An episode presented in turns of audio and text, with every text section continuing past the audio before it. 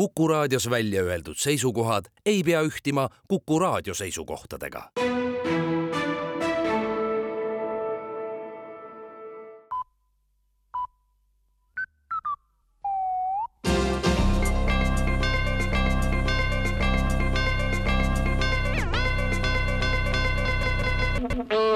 tere kuulama uudiseid stuudios Rohke Debelak Eesti Ametiühingute Keskliit annab teada, et liidu tegevus ja töötajate kaitseks ettevõetavad aktsioonid muutuvad lähiajal jõulisteks. kuna Eestis ei ole töötajate ulatuslikud streigid oma õiguste kaitseks seni välja kukkunud just eriti veenvalt ning kogu ametiühingu tegevus tundub sujuvalt loiult, siis eile allkirjastatud leping Prantsusmaa Ametiühingute Keskliiduga annab tegevusele uue energia Prantsusmaal visiidil viibiv peaminister Kaja Kallas teatas eile õhtul, et lepingu kohaselt hakkavad prantslased streikima ka Eesti töötajate vastu toimepandava ülekohtu vastu. Prantsusmaa inimesed on streigivalmis ööpäeva ja aastaringselt, samas kui Eestis tuleb töötajaid oma õigusi kaitsma lausa meelitada. koostööleppe kohaselt streigivadki prantslased edaspidi eestlaste eest järgmise kümne aasta jooksul. tulevikus peaks eestlaste õiguste kaitseks lisaks streikidele pidevalt Prantsusmaa tänavatel olema kuni kolmkümmend tuhat meeleavaldajat, kes nõuavad palkade tõstmist ja inimväärset ja vähegi austavat suhtumist töötajatesse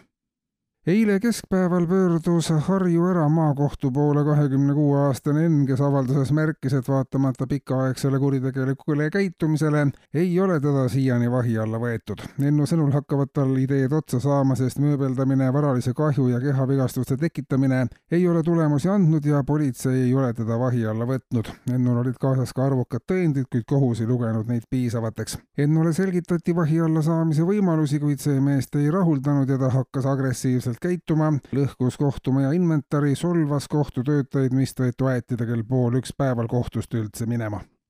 Kultuuriministeerium aga teatab, et on otsustanud anda rahvasaadik Kalle Grünthalile Eesti Vabariigi teenelise rahvakunstniku tiitli austav tiitel on ministeeriumi vastava osakonna juhtkonna sõnul välja teenitud aastatepikkuse viljaka töö eest peamiselt huumori ja meelelahutuse vallas. lisaks põhitööle on rahvasaadik paljude aastate vältel hoidnud üleval nii Riigikogu kui ka valijate tuju ja parandanud nende vaimset tervist sageli enda oma arvelt. ministeeriumi sõnul on Eesti Vabariigi teenelise rahvakunstniku tiitel tõenäoliselt ühekordne ja rohkem väärikaid kandidaate sellele tiitlile lähiaastal Eestis ka ei leidu ja päevapoliitikast EKRE annab teada, et riigieelarve esimesel lugemisel rakendab erakond obstruktsiooni. sama taktikat kasutatakse ka riigieelarve teise lugemise korral. kui peaks tulema ka kolmas lugemine, siis on taas obstruktsiooni aeg. peamine eesmärk on, et järgmise aasta riigieelarvet vastu ei võetagi. see annaks riigieelarvele võimaluse kosuda. kui kaks aastat koguda, siis saaks juba korraliku eelarve, millega oleks juba võimalik üht-teist ära teha